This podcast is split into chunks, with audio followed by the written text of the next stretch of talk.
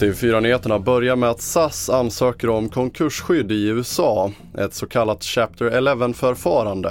Nu ska SAS sträva efter att komma överens med viktiga intressenter och rekonstruera bolagets skulder och ta in nytt kapital. Det är ju väldigt positivt att man försöker undvika en konkurs i det längsta. Och en utväg, eller sista utvägen kanske vi, vi ska säga, är ju att man får en Chapter 11 i, i USA. Eh, om det har gällt många andra flygbolag så kanske SAS har en chans där. Men, men, men, det är väldigt bekymmersamt läge naturligtvis och, och att ha en strejk i nuläget. Sa Hans Kjell, flygsäkerhetsexpert. Och just nu håller SAS en pressträff som du följer på TV4 Play.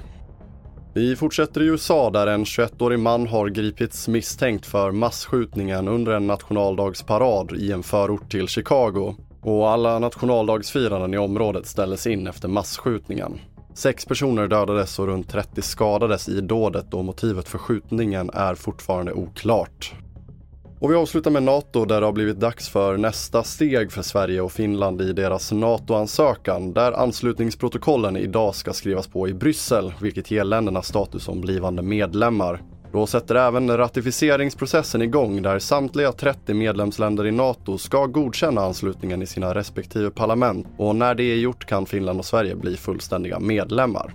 Fler nyheter hittar du på tv4.se. Jag heter André Metenen Persson.